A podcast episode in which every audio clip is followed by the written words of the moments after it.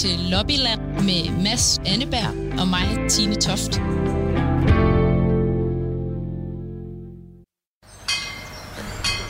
Hej Tine. Velkommen til Sønderjylland. Tak. Jeg har aldrig været i Kliplev før. Nej. Det er jo et dejligt sted. Det er jo knap en station, det her. Har du haft en god tur? Og det var sådan en meget, meget smertefri og dejlig tur.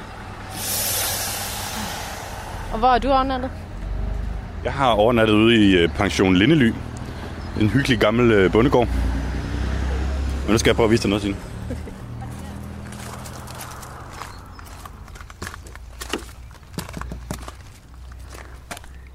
Jeg har købt en ramme.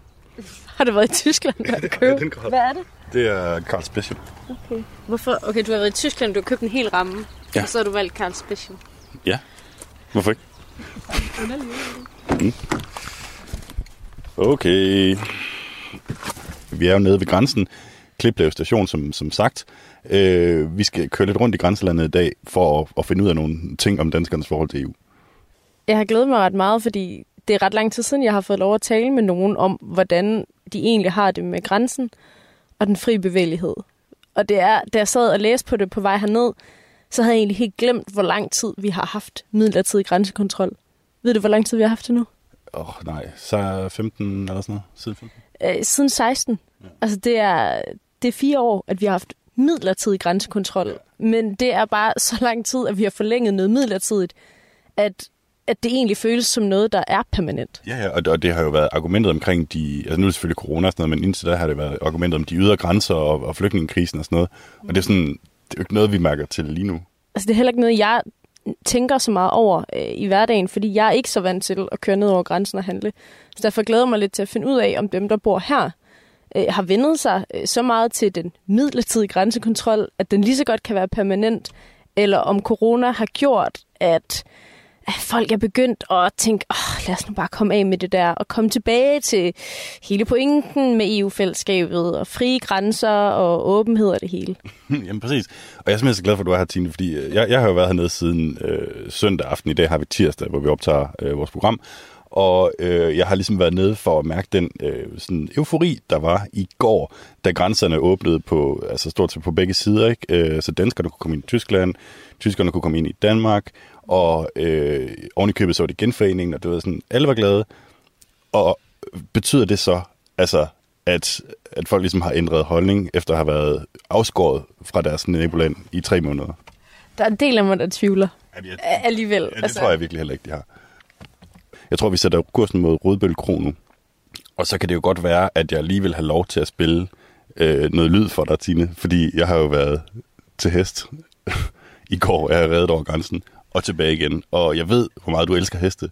Det er den eneste grund til, at jeg stået op klokken 6 i dag for at tage til Sønderjylland. Det er, at jeg ved, at du har været oppe på en hest. Øh, og lad os så i øvrigt komme til, til Rødbøl, før øh, vi bliver alt for, for sultne her.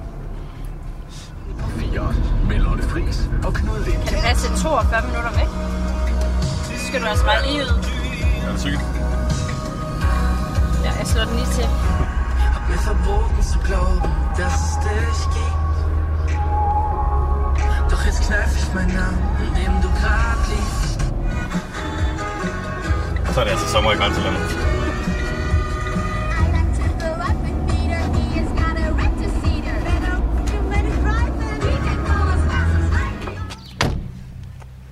Vi bare lige begynde at hilse på, før vi finder udstyret frem?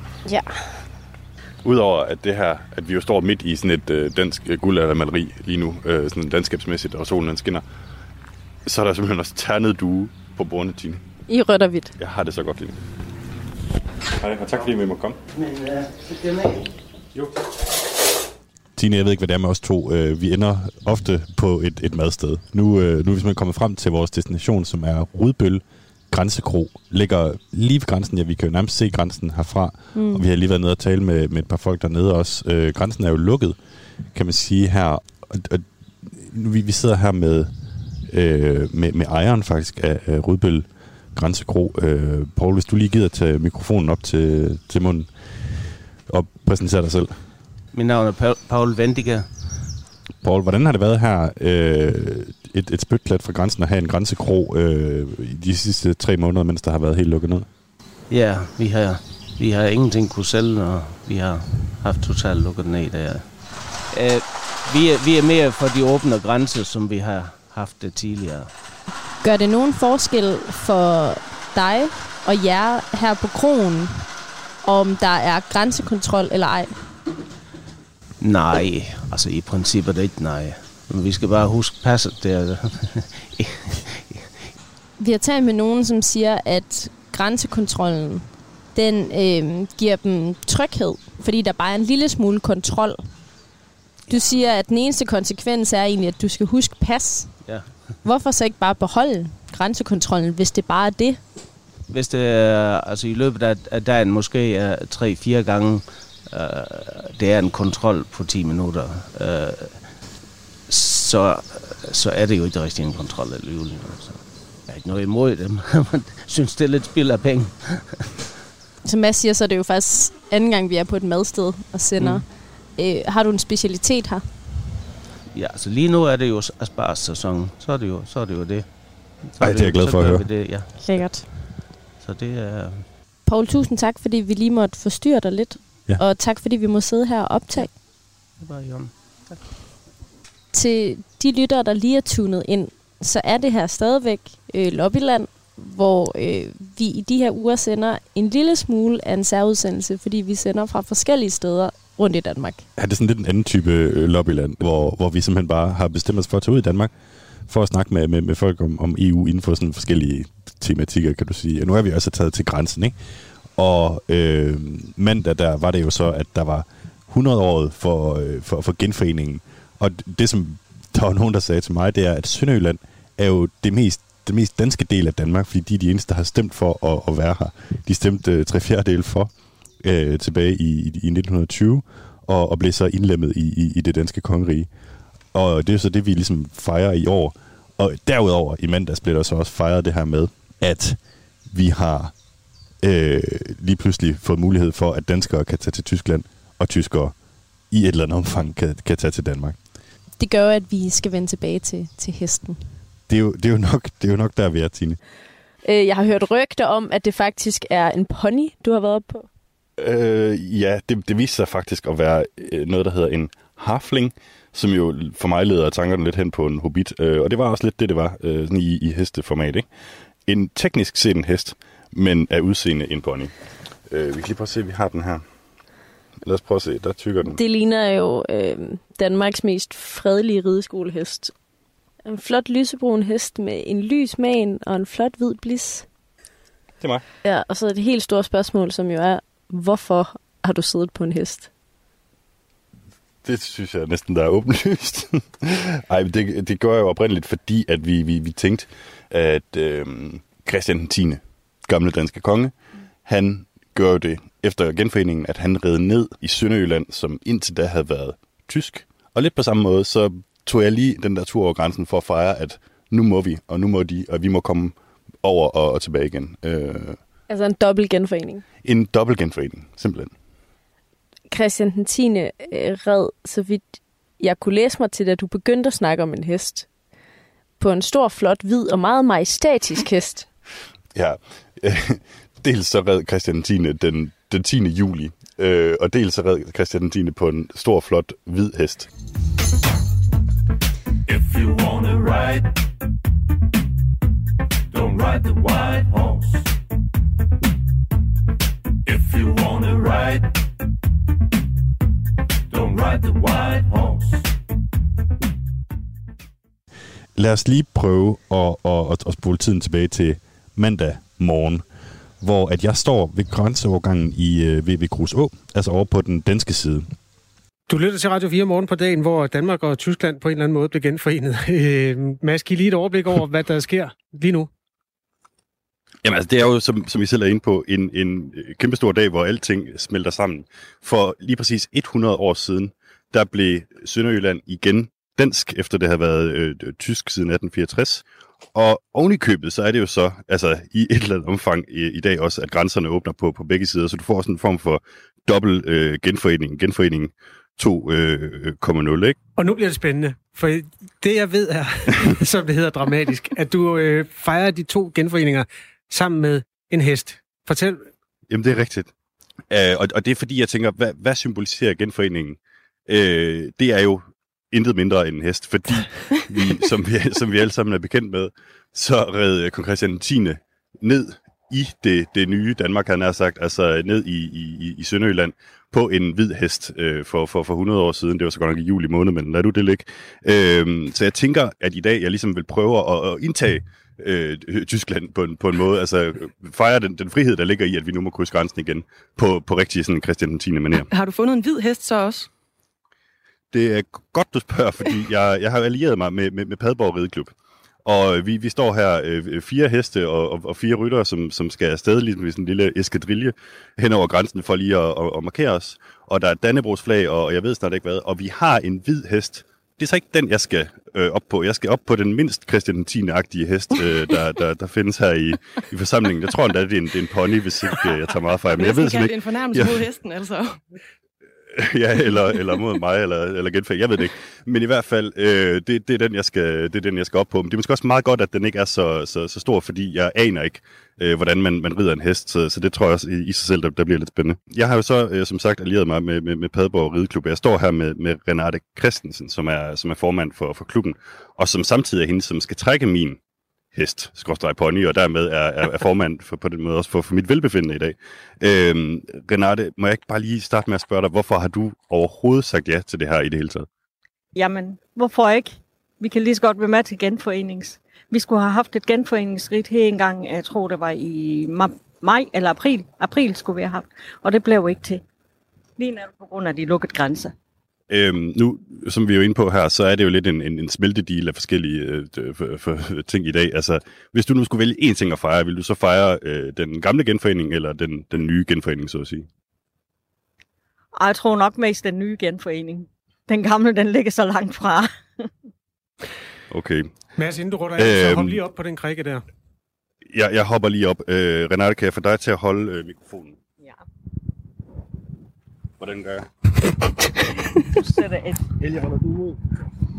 Det ben det i den stigebøjle. Ja. Det er altså venstre ben her for, Ja. lytterne, som jo ikke lige kan se, hvor... Og hvad så? Hvor skal jeg holde henne? Så holder du bare fat i manken. Okay. Modtaget. Åh, oh, yes. Jeg er oppe, Ja, det skal jeg love for. Godt, Mads. indtil videre. Hold fast i det der hår, der sidder Okay. i nakken af hesten, og øhm, hold godt fast, så satser vi på, at det går. Vi vender tilbage. tak. Tak, tak, tak. Hvad hed hesten? Den hed Lille Pepsi. Også et grandiøst navn til en hest, der skal ride dig ind over grænsen for rigtig at markere en storslået historisk dag. Lige præcis. Den skulle næsten Lille lige have været hele turen i, i, i Flækgaard for at hente nogle, øh, nogle dåser sodavand. Ja. Men, øh, men der, så langt kom vi dog ikke. Okay. Skal vi måske bare lige høre et sidste hesteklip? Ja, lad, os lige, lad os lige få mig ned fra hesten, før vi, vi, vi runder af her. Ja. Og det, der sker lige nu, lige i det her sekund, det er, at vi krydser ind i Bundesrepublik Deutschland. Uh, vi har stadig lige til gode at møde uh, grænsekontrollen, som ligger lige sådan, lad os sige, 100 meter uh, længere fremme, så må vi se, hvad, hvad, hvad de har at sige. Uh, vi skal jo hen og vise vores, uh, vores pas og hestepas, uh, respektivt uh, mig og min hest og, og de andre. der og hestepas?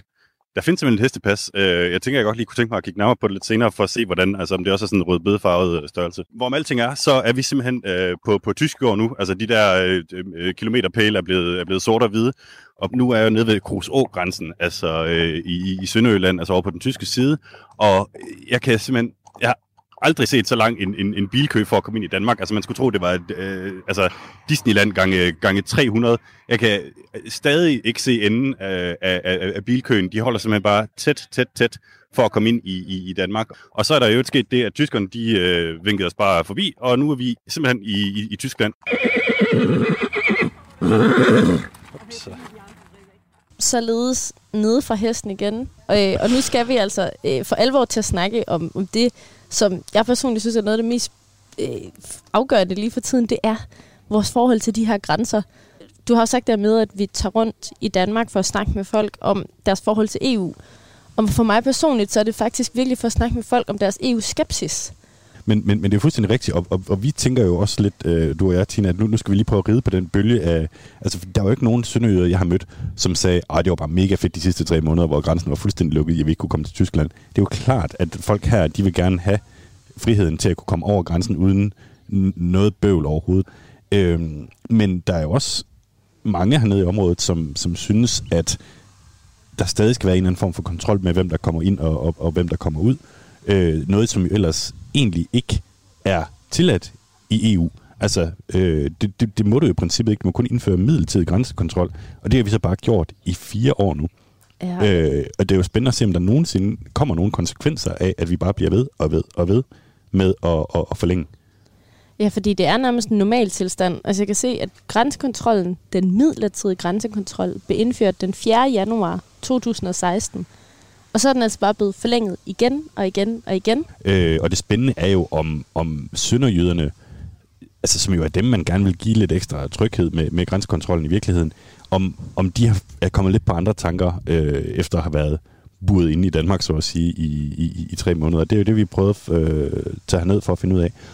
Og jeg tror måske, vi skal skyde det her afsted ved at høre det interview, du har lavet med en mand øh, fra Sønderjylland om forholdet til grænsen. Fordi hvis der er noget, jeg ikke tror, man skal undervurdere hos danskerne, øh, og sikkert også i mange lande, så er det følelsen af, at hvis der skulle komme en folkeafstemning, så er det lige meget, om man egentlig synes, det er fint med fri bevægelighed, så kunne man måske godt finde Det på ligesom at stemme sig ud. Altså, så, så, så bliver man bare fristet. Så tænker man, kan vide, hvad der sker, Ja. hvis, hvis man øh, stemmer ja ikke, øh, til at melde sig ud. Og lad os bare lige starte med, med det første interview, altså øh, med Arno Gormsen, som, øh, som jeg talte med mandag efter hele hestestøvet havde, havde lagt sig der. Arno, du, øh, du har været så rar at byde mig på en øh, kop kaffe. Vi sidder ude øh, på din terrasse her i, i Kruså, og øh, jeg har jo lidt et spørgsmål. Det er fordi vi var ude, øh, du, du var ligesom med i hele det arrangement, der, der foregik tidligere på dagen, hvor vi var ude at ride hen over grænsen. Øh, har det egentlig været sådan noget bøvl for dig de sidste tre måneder, hvor, hvor grænsen har været lukket i? Nej, egentlig, øh, bøvl kan man egentlig ikke sige. Altså, øh, man kan bøvl på den måde, at i og med, at vi bor i Kruså, vi er mange, der bor hernede, vi bruger Tyskland lige så meget, som vi bruger Danmark. Og man kan sige sådan i, øh, øh, jamen, vi, vi har jo bare skulle vende vores til, og så handle alt, eller gøre alt i Danmark. Øh, og det, jamen, det gik egentlig ret hurtigt med det. Så på dig øh, lyder det lidt som om, at, at altså, for dig ville det ikke gøre noget nærmest, hvis, hvis grænsen blev lukket permanent? Og oh, det vil jeg, det vil jeg være lidt af, fordi uh, det er, der synes jeg alligevel, at uh, vi skal være så åbne, og vi, uh, jeg synes jo, uh, ja, altså grænsen er der, altså det er Tyskland og Danmark, men altså, uh, uh, vi har jo vendt os til, at hele området, det er et, og jeg ved da godt, at uh, vi skal ikke, ikke andet end 500 meter herfra, er det Slesvig, og så vi bor i Sønderjylland, men altså det, det hænger lidt sammen. Øh, og, og sådan føler jeg også, det er. Og derfor vil jeg være meget ked af, hvis grænsen blev lukket. Øh, fordi vi, så, så, for, så forskellige er vi ikke. Altså, det kan godt være, at vi er mere vant til at sige du herover, og de er mere vant til at sige de i Tyskland. Men altså, det er jo de små forskelle, som egentlig ikke gør noget i hverdagen. Ikke? Jeg er jo stadigvæk, altså, det er der sikkert mange, der kan, men jeg kan jo godt huske dengang, da det, da det var rigtig paskontrol, eller med papirer, og øh, man skulle have varer sy på. Det, det skal vi ikke tilbage til. Hvorfor ikke? Jamen, det var for omstændeligt, og det var for... Øh, øh, jamen, det, bøvlet. Jeg tror, at øh, øh, min far var vognmand, og øh, jeg har selv øh, en tidlig uddannelse som speditør, og har også kørt lidt en del sydpå. Og jeg husker godt de tider, hvor vi stod en søndag fire timer på tollen for at komme over med nogle tyske fortolkninger, eller du har en au pair-afgift på 18 fanny i en køleskab. Og det var jo det var fuldstændig vanvittigt. Og, jeg tror slet ikke, jeg forstår den sætning. Hvad er det for en afgift, siger du? Det, man har en au pair-afgift på, på pair til Tyskland. Ah, okay. Og så har man sådan noget som 8 eller 18 øh, øh, fanny hed det dengang. Øh, og, og så skulle sådan en tysk holder så tjekke, hvor mange køleskab har du læst, hvor mange pærer var det så i det køleskab, øh, for at betale den rette afgift. Og det skal, altså jeg ved da godt, vi har afgifter den der i dag, men det gjorde jo den EU, øh, fælles øh, handle, handle EU, som, og, det, og det var gav rigtig god mening, at vi fik åbnet de grænser, som vi gjorde. Så hvad tænker du egentlig sådan i det hele taget om EU? Jamen altså, jeg tror ikke, vi kan undvære EU med i dag. Altså som handelsunion, ser jeg det simpelthen som et, øh, en absolut nødvendighed. at, øh, at, at man måske øh, kommer over i den grænse, hvor man får mere og mere lovpligtige ting, der synes jeg måske, øh, nogle ting, de går lige øh, øh, stærkt nok. Altså, der må man, der, der, der synes jeg selv, vi er for forskellige nu, til vi kan få det hele under, under en hat. Hvis der kom en folkeafstemning om, om Danmark skulle ud af EU, kunne du så drømme om at stemme ja? Ja, det kunne jeg faktisk godt. Ja. Og øh,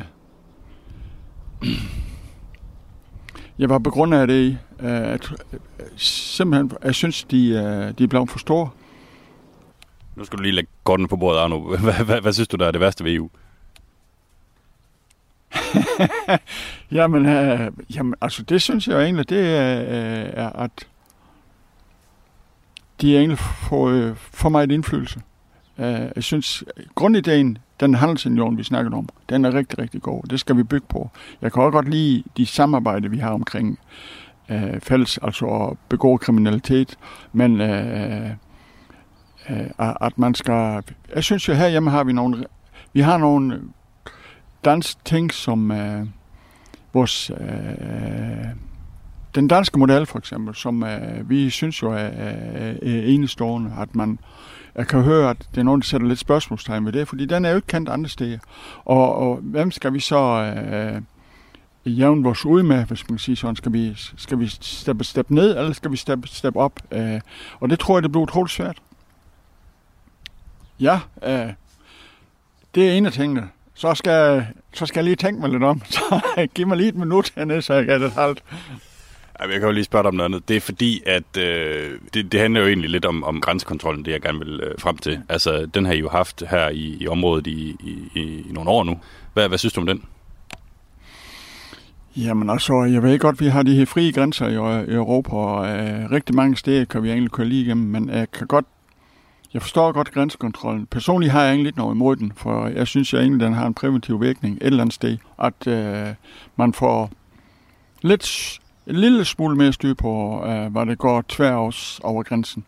Og ikke fordi jeg ser øh, 20 og banditter alle hjørner og kanter, men jeg tror, at den har en god virkning. Det, det tror jeg. Så, så hvad handler det dybest set om? Altså, Jamen, det er vel kontrol. Øh, en form for... Ja, øh, en, en lille form for kontrol. Hvad kommer det ind, og hvad, hvad, ligesom meget den anden vej, hvad går det ud? Jeg synes simpelthen, det er øh, så godt et interview med Arno her, som på den ene side har nogle ret konkrete oplevelser med øh, de åbne grænser, som kom efter Schengen, og på den anden side ah, alligevel godt kan lide noget kontrol, når det kommer til stykket. Følelsen af, at noget bliver kontrolleret. Øhm, og nu har vi egentlig sagt Schengen et par gange. Måske skal vi bare lige sige, hvad Schengen-samarbejdet egentlig er. ja, absolut. Men Schengen-samarbejdet er en hel række lande, som bare har besluttet at åbne grænserne. Ja. Og det er faktisk ikke kun EU-lande. Nej, nej, det, det, det er jo EU, øh, hvad skal man sige, som, som er, er inde over det også, og der, der er en masse EU-regler i det, men det indbefatter også øh, andre lande, såsom Island og, og Norge og Schweiz og Liechtenstein. I de lande, der har vi jo ikke skulle have pas med. Nej, nej, lige præcis. Og man kan så også sige, at der er nogle EU-lande, øh, såsom Bulgarien og øh, indtil nu Storbritannien, som ikke har været med i Schengen, hvor man så skulle have pas med. Men sådan i det store hele, så flugter det nogenlunde med, med EU's øh, medlemslande. Og, og Schengen er jo altså den her idé om, at vi har et stort område, hvor der ikke er indre grænser. Det vil sige, at man kan bare bevæge sig frit. Varerne kan bevæge sig frit. Alt kan bevæge sig frit. Og du, hvis du kommer til udefra, så behøver du kun at søge et visum, og så kan du bare rejse rundt. Ja, og ideen har jo så også bygget på, at vi åbner de indre grænser, til gengæld så sikrer EU de ydre grænser. Og det er jo så det, der er sket efter 2015, særligt hvor flygtninge og asylansøgere og migranter gik op af vejene hele vejen op gennem Europa, at der faldt tilliden ligesom til, at EU kunne klare de ydre grænser. Jamen, jeg ved simpelthen ikke, om, om det fra starten af var tænkt sådan, at EU skulle klare de ydre grænser, fordi EU jo nok i virkeligheden ikke rigtig har kompetencen til det. At du kan se, de, der i marts, da der var lige pludselig en masse flygtninge ved grænsen, så var EU's svar jo at sende 100 grænsevagter afsted, altså som jo forslår som en skrædder i helvede. Det er jo, altså, jeg, jeg tror, det har måske også bygget lidt på en tillid til, at de lande, der så ligger ved frontlinjen, så at sige, at de har kunne klare det. Og der kom jo så et tidspunkt, hvor det kunne de ikke. Ja, I hvert fald så meget, at, at der har været altså flertal i Danmark, selvom det til at starte med var ret kontroversielt, til at fastholde en midlertidig grænsekontrol. Altså Ja. også øh, nu i 2020, øh, lang tid efter, at vi så den her tilstrømning til Danmark. Og jeg, jeg tror, at der vil komme en, en, en debat nu her på den anden side af sommeren, når, når coronaen ligesom glider lidt i baggrund af, skal vi stadig have den her grænsekontrol? Fordi det bliver måske sværere og sværere at svare på, hvad det egentlig er, vi, vi bruger den til lige nu, sådan øh, i hvert fald øh, med, med den officielle begrundelse. Ja, altså så vidt jeg kan forstå, så må vi jo faktisk kun have den midlertidige grænsekontrol. Øh, det føles helt forkert at blive ved med at sige den midlertidige efter så mange år. Men hvis vi øh, bliver ved med at argumentere for, at det har handlet om, om landets sikkerhed, det er en helt særlig situation, Mm. Øhm, og det er derfor, vi kan blive ved med at have den. Og vi bruger den jo også. Fordi hvis du går ind og ser på, øh, hvad der bliver fanget ved grænsen, så er der mange, der bliver afvist. Og der er også rigtig mange menneskesmuglere, øh, altså sigtelser for menneskesmugling. Ja. Det, er jo heller ikke en debat om, hvorvidt at, at det giver noget positivt at, at have politiet der. Det er jo mere en debat om, hvorvidt politiets ressourcer også kunne fange øh, menneskesmuglere andre steder, eller altså om, om det ville være bedre givet ud og, og have de politimænd rendende rundt i, i Danmark, simpelthen for at, at, at opklare alle mulige ting, ikke? Ja. Og så er det også bare sådan EU-mæssigt et, et sindssygt spændende spørgsmål, fordi vi rider også lidt på, på, på en bølge af, at for eksempel Tyskland og Frankrig jo også har haft midlertidige grænsekontrolle, øh, øh, grænsekontroller i, i et stykke tid. Man kan sige, at hvis Danmark var det eneste land, så ville det nok blive slået lidt hårdere ned på det.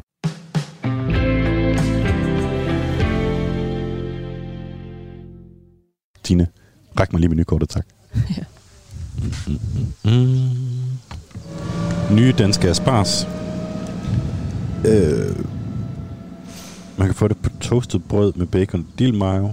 Og han ser godt ud. Ej, nummer Asparges, to. Nummer to. asparges håndpillet rejer, kartofler, hollandaise. lækkert.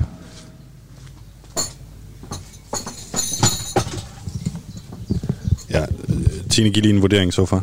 Jamen, det er...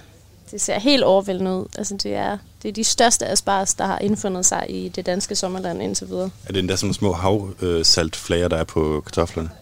Der er virkelig kælet for detaljerne. Mm.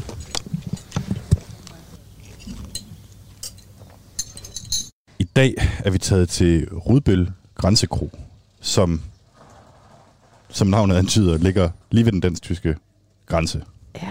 Og så er det en af de grænseovergange, som er lukket stadigvæk. Det er det nemlig. Fuldstændig afsejlet, faktisk. Og vi har jo lige sat en, en dejlig asparsret til livs, du og jeg. Og så har jeg lige lavet mig fortælle, at nede i, altså lige nede ved grænsen, hvor vi jo faktisk lige har været, der bor der i hvert fald mindst én person, som bor i Danmark, men som bor på den forkerte side af afspærringen. Altså de ligesom er Ja. spærret inde i Tyskland. Fordi den afspærring, man har lavet for at lukke grænsen, den er, den er rimelig bastant. Ja. Du kan ikke rigtig komme omkring, i hvert fald ikke med, med, med bil eller, eller, eller motorcykel. Øh, så de, de kan godt gå over grænsen, men man kan ikke køre hen til dem, og de kan ikke køre hen til en, medmindre man ligesom tager en, en, en stor omvej. Mm, Hvorfor har man ikke bare sat den på den anden side af hendes hus?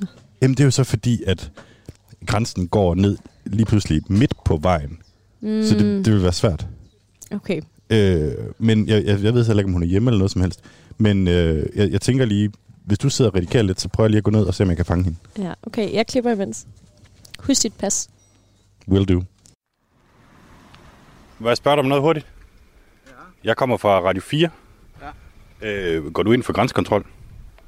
Jo, lidt må det godt være. Det må det godt være. Er der for meget lige nu? Nej, nu er det jo ikke noget. Jamen, der, grænsen er jo lukket Den dernede. er spærret, ja. Der må de godt se at få lukket op igen. Men der må så gerne være kontrol. Ja, det må gerne være kontrol, det må det. Hvorfor? Jamen, så får vi jo øh, set, hvad det kommer ind, og hvad det ikke skal ind, og det, det er kun godt med lidt kontrol, så de ved, hvad det, hvad det foregår. Og må jeg spørge om dit navn? Gerhard. Tak skal du have. Ja, velkommen.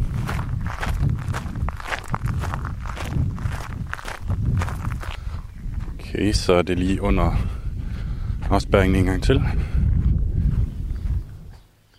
Hej. Øhm, er du hende, der bor i det sidste hus i, i Danmark? Ja, det er jeg. Hvad hedder du? Clara Christensen.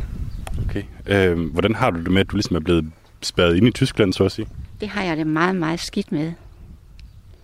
Meget skidt nu. De første to måneder gik fint, men den, det begyndte at blive politik, så har jeg det meget, meget skidt med det. Du synes ikke, der er nogen øh, sundhedsmæssig grund til at, at have den der afspærring deroppe længere? Det har aldrig været sundhedsmæssigt, det at de spærrede af til Tyskland. Det ved vi jo alle sammen. Hvilke, hvilke praktiske konsekvenser har det ligesom for dig i hverdagen? Det har den praktiske konsekvent, at hver 14. dag skal jeg trække min skraldespand ned over naboens grund for at få den tømt. Min postkasse skal stå hos naboen, og øh, min bil har indtil i fredags, da Tyskland åbnede for os danskere, har den også stået hos naboen, og det kan jeg så heller ikke mere, hverken have det ene eller det andet hos naboen, fordi det er udlejning, og nu har han udlejet sin ejendom. Så øh, nu skal jeg over Syd og Lygum, og det er lige sådan 16 km ekstra for at komme til Danmark, og jeg bor trods alt i Danmark. Okay, øh, jeg skal lige prøve mit allerbedste for at beskrive for lytterne, hvad det egentlig er, der er situationen her. Der er jo øh, der er en bro længere op, altså den, den ligger i Danmark. Så kommer man ned til øh, overgangen her, som jo så går midt på vejen nærmest, og så knækker den lige efter dit hus. Men afspærringen, den er jo så lavet, hvad skal vi sige, 50 meter frem, altså øh, op, op mod Danmark. Øh, hvordan har det i øvrigt været sådan de her øh, tre måneder hernede i området, altså med, med, med de afspærrede grænser? Som jeg siger, de første to måneder var det jo ingen, der vidste, hvad, hvad, hvad det drejede sig om andet, end at vi skulle passe på alle sammen, og vi skulle være hensynsfulde, og, og, og det har vi også været, alle sammen. Men efter at man begynder at åbne tingene, så synes vi, at det er helt utroligt, at man ikke starter med grænserne. Det, det er det ingen hernede, der kan forstå, fordi vi, er, vi, vi har øh, livlig samliv med, med alle på den anden side af grænsen, og det er hele vejen over. Det bliver mere og mere uholdbart, synes vi. Og at man fejrer genforeningen, 100 år for genforeningen, og så har man betonklodser til Tyskland, det, det, er, det er helt uforståeligt. Helt uforståeligt. Må jeg spørge dig, hvad du sådan generelt tænker om den øh, grænsekontrol, der, der nu har været her i en øh, fire år efterhånden?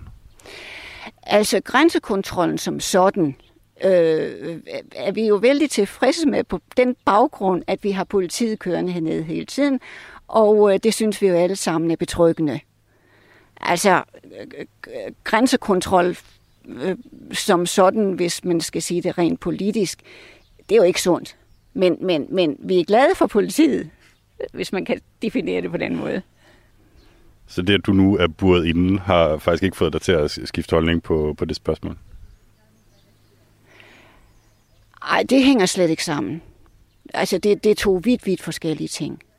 For mig personligt, så er det, så er det jo et problem nu, fordi altså, men, men, men har jo taget min personlige frihed. Ja, altså, få en håndværker hernede, ikke? han skal slippe øh, øh, øh sine, sin ting hen fra, hen fra betonklodserne. Og han har jo ikke haft mulighed for at komme den anden vej før i fredags. Og, og, og, og det er jo bare et, et eksempel, ikke? Altså, det, er jo, det er jo hele din dagligdag, du skal, du skal tænke over. At, nå, kan du nu? Nå, nej, det kan du ikke lige. Vi kan mere nu, fordi tyskerne har åbnet. Det tager bare, altså, det tager bare nogle kilometer, men, men øh, og jeg bor stadigvæk i Danmark.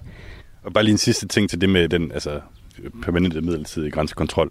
Hvad er det, du synes, den, den gavner?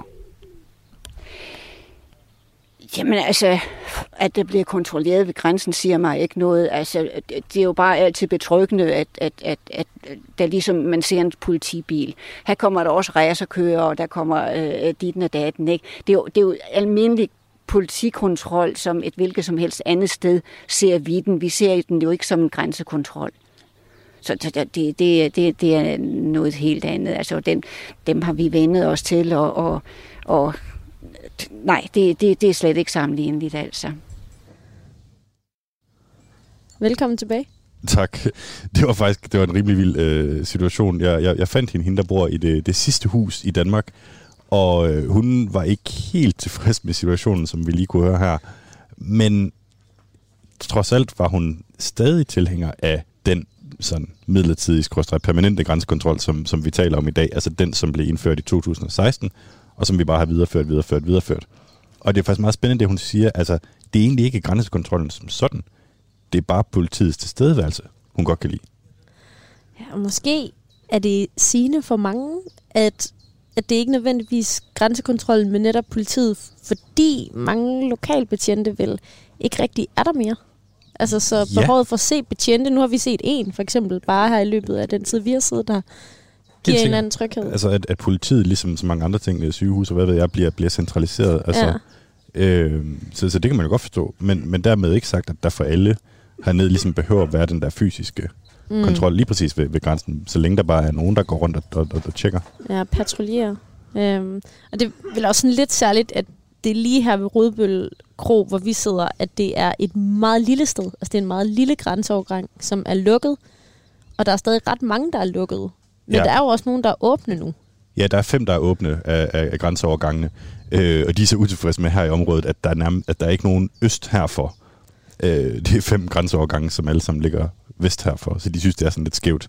Ja. Øh, og de er sådan mange historiske referencer øh, til, at den her grænseovergang tilbage i tiden var jo øh, en international grænseovergang, så at sige, hvor andre nationaliteter måtte krydse og sådan noget, men det har de nok glemt. Øh, og så synes jeg, det er vanvittigt fascinerende, at Clara, som bor nede i det sidste hus der, hun købte sit hus lige 14 dage før, at grænsebommen den forsvandt for evigt. Og den står ligesom sådan nærmest til udstilling derhenne, stadigvæk. Øh, den er lige blevet pakket lidt af vejen. Så det vil sige, hun har jo boet der i, i altså siden 2001, og har kun oplevet, at grænserne har, har været åbne. Okay. Indtil nu. Du er til gengæld blevet lidt rød på næsen af din lille vandretur ned over grænsen. Jamen, øh, sådan offrer jeg mig gerne. Der ligger også øh, der ligger en tysk kro dernede, og jeg talte lige med, med, med kromutter. Ja. Og øh, hun fortalte, hvordan... Altså, du ved godt, hvordan det er det her med, at tyske turister, hvis ikke de kommer fra Slesvig Holsten, så skal de have, øh, jeg kan ikke huske, om det er fem eller seks overnatninger booket i Danmark for at få lov til at komme ind. Ja, jeg tror, det endte med at være sex. Okay. Og så har hun så hørt en del eksempler på, på folk, som går ind og booker de her overnatninger, printer øh, beviset, Ja. afbestiller bookingen, og så kører op til grænsen, og så ligesom siger, her. Jamen, altså, det er jo næsten også fornemt til, at man ikke skulle fornemt. snyde det. Øh, altså, også fordi det er jo ikke så tit, man nødvendigvis lige skal bruge seks overnatninger. Hvad hvis man bare lige skal på en smuttur? Det er jo det. Og det er jo også det der med, sådan, hvis det nu gav totalt god mening corona-wise, at man skulle være her i seks, men det giver jo tværtimod mere mening, at man er her i to. Så det, du prøver at sige, det er, at systemet er hullet som en si over for tyskere, der er desperate for at komme til Danmark.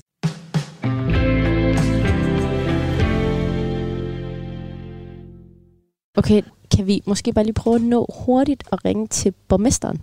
Ja, det kan vi godt. Okay, har og det er du altså Tønder Kommune, vi sidder i nu. hans nummer? Ja, det kan du tro, jeg har.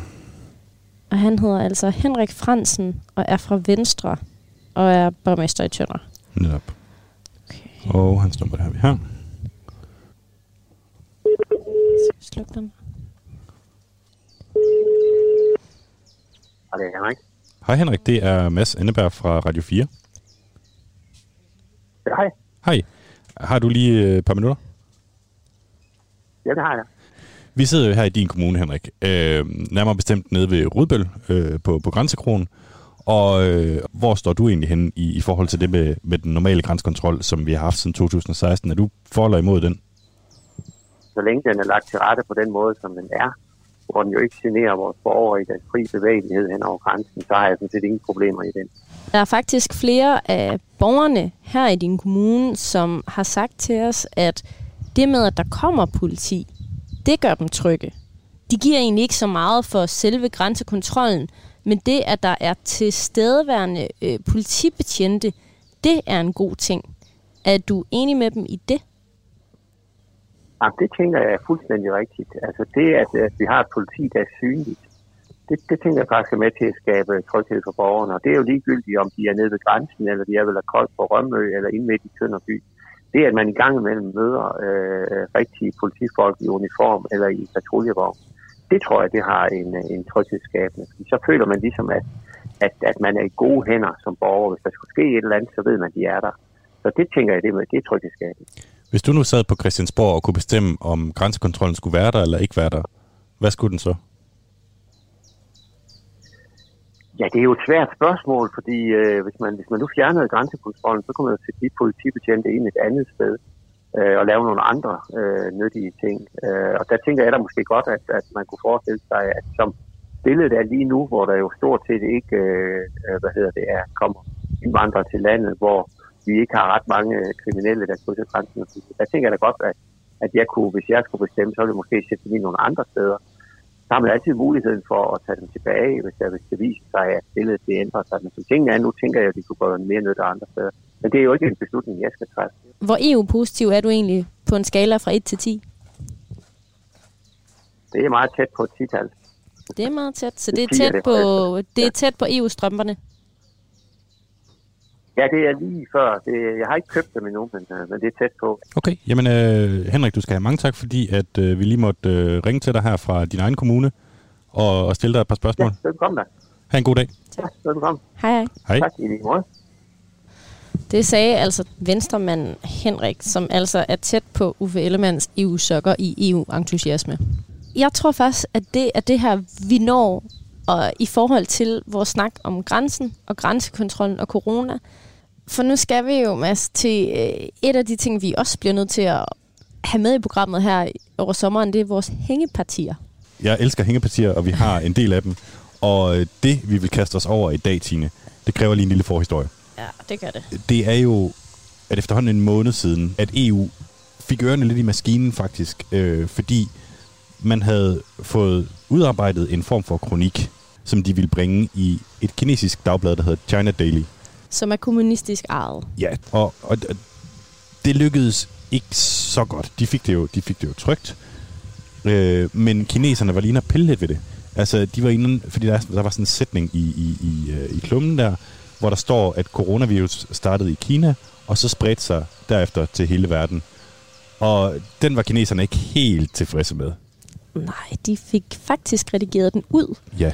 Lige præcis den der sætning om, at corona er startet i Kina og har spredt sig, redigerede det ud, og det accepterede EU's repræsentant i Kina så, på vegne af alle de lande, der havde skrevet den her kronik her under Danmark, og det blev vi rasende over. Altså fordi, at det Ja. betyder jo, at EU har sagt ja til øh, censur fra Kina. Og der var sådan en masse polemik frem og tilbage. Først der var der nogle argumenter om, at det bliver vi jo nødt til at acceptere, fordi sådan er Kina. Så hvis vi nogensinde vil have noget som helst trygt, så må vi jo altså lige øh, øh, hakke en hæl og klippe en to. Men det endte med at være en ret stor beklagelse. Øh, og det, så vi ligesom kom til at tænke på på Lobbyland, det var, ja, men kunne man ikke godt på en måde få noget trygt i et kinesisk dagblad, altså i China Daily specifikt, hvor man siger, at coronavirus startede i Kina. Altså har EU ikke givet fornemt op på en måde. Det, vi, vi har været sådan lidt besat af den øh, tanke, øh, siden det her det skete. Øh, jeg, jeg kan jo anbefale, at man går ind og lytter til det program, hvor vi tog det op. Øh, nej, det hedder øh, Grønne Bjerge, Klare Floder og Ren Is. Ja. Det program øh, af Lobbyland. Og grunden til, at det gør det, det var jo fordi, vi ringede til en mand, der hedder Philip Røn, som befinder sig i Beijing i Kina, hvor han studerer. Ja, og Philip han ved øh, vanvittigt meget om sprog og økonomi og Kina. Han er en slags øh, China go-to-guy, og øh, han har altså hjulpet os med at finde ud af, hvordan vi kunne øh, skrive en form for ja, kronik, et debatindlæg til China Daily og komme omkring censuren. For det bliver vi jo nødt til at vide, det bliver EU nødt til at vide, for det er jo ikke sidste gang, man skal have trygt et eller andet anledning af et jubilæum eller noget. Så vi skal måske bare lige først høre det klip, hvor vi sammen med Philip når frem til, hvordan vi via et sindigt kodesprog øh, kan komme omkring censuren i Kina. Ja, men det, altså det vigtigste, man skal gøre, hvis man skal have noget publiceret, det er jo, at man skal øh, citere Xi Jinping, og Xi Jinpings tanke, som det hedder med stort T. Øhm, og Xi Jinping, han tænker utrolig meget, så han har skrevet et par bøger om sine tanker. Noget, I helt sikkert skal bruge, det er det, der hedder Ecological Civilization.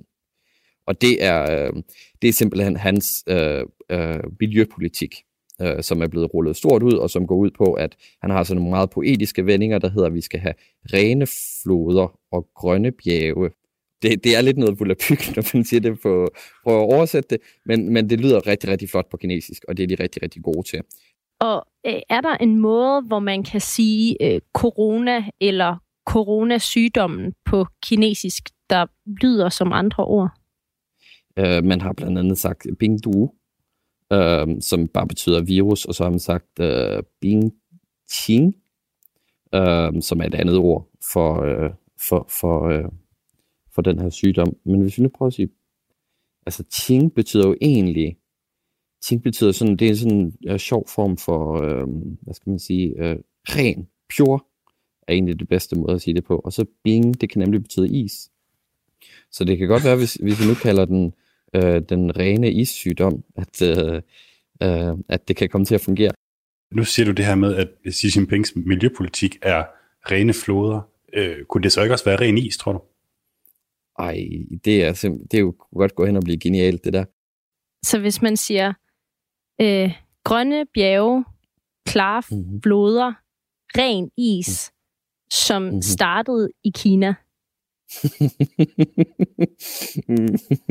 Ja, øh, hvad, ja, okay, hvad nu hvis I siger grønne bjerge og klare floder og den rene is, der har sit udspring i Kina? Det er jo så nemt at regne ud, når man læser det der. Den tror jeg godt kan gå igennem. Ja, det var altså Philip Røgen, der hjalp os med at finde frem til øh, nogle rettelser til et debatindlæg, og nu har vi jo faktisk skrevet det færdigt.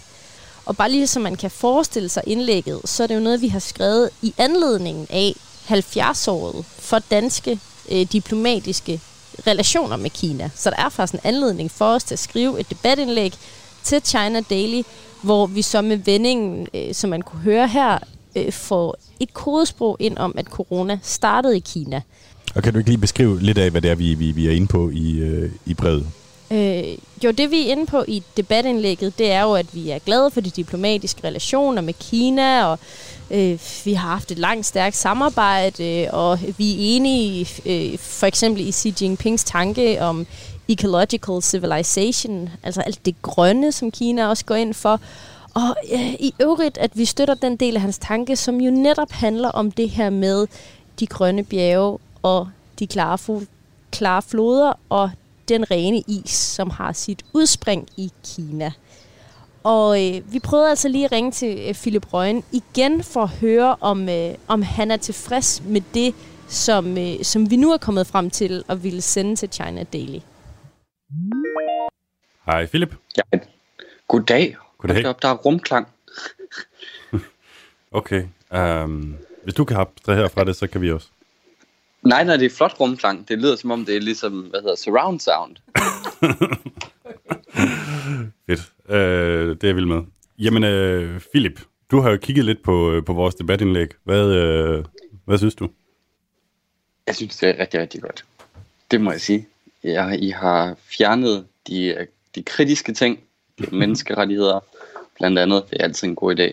Og så har I jo uh, tilføjet pandaerne, um, hvilket er også en rigtig god idé. Jeg kunne forstå på Ekstrabladet i går, at en af dem er stukket af og er blevet bedøvet. Uh, en bedøvelsespistol. Ja. Um, Tror du, det, tror du, det skader vores mulighed for at få indlægget igennem lige nu? At vi har lavet det ske Nej. mod en panda?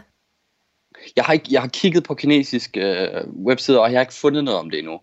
Øh, men der er ikke nogen Lad, lad tvivl for om, guds at skyld hvis... være med at, at, at sige noget derovre.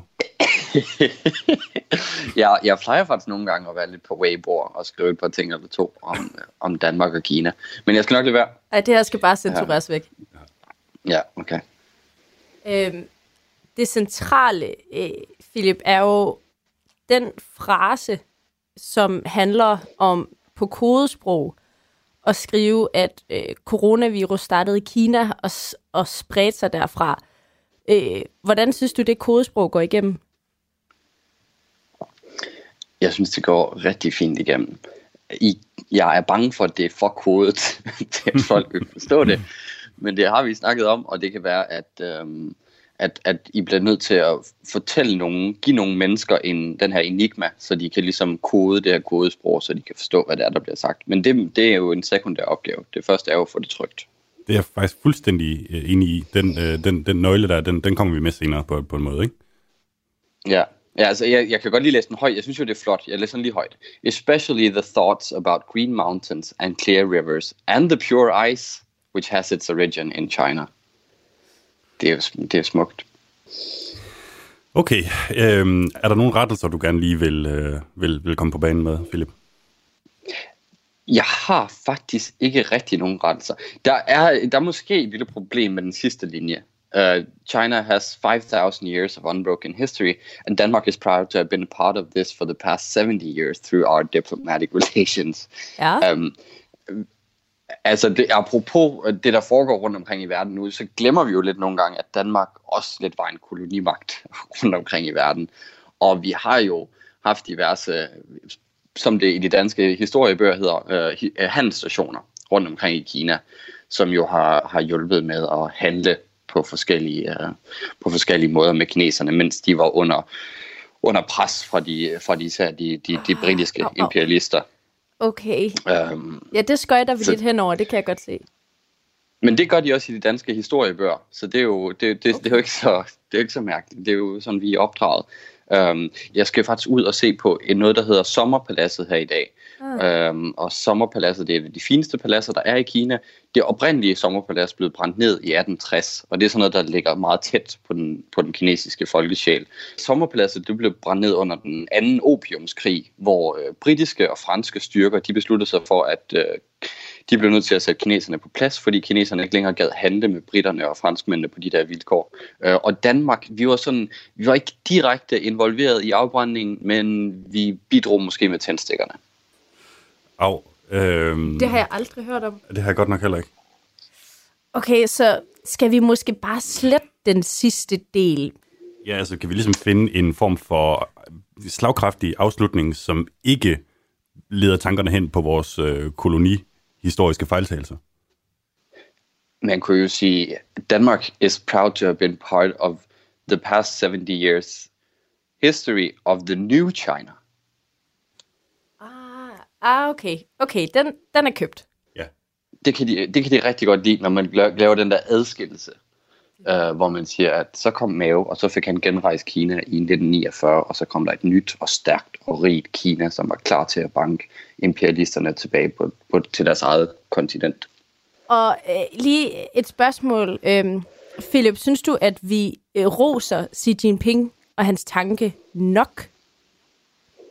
Det kan man ikke. Okay, så Den det vil aldrig blive nok. Nej, det, det, det bør det ikke. Altså, I kan, I kan sagtens svinge højere op. Um, altså, jeg har tænkt meget på det der, apropos det, vi talte om før, det med ren is.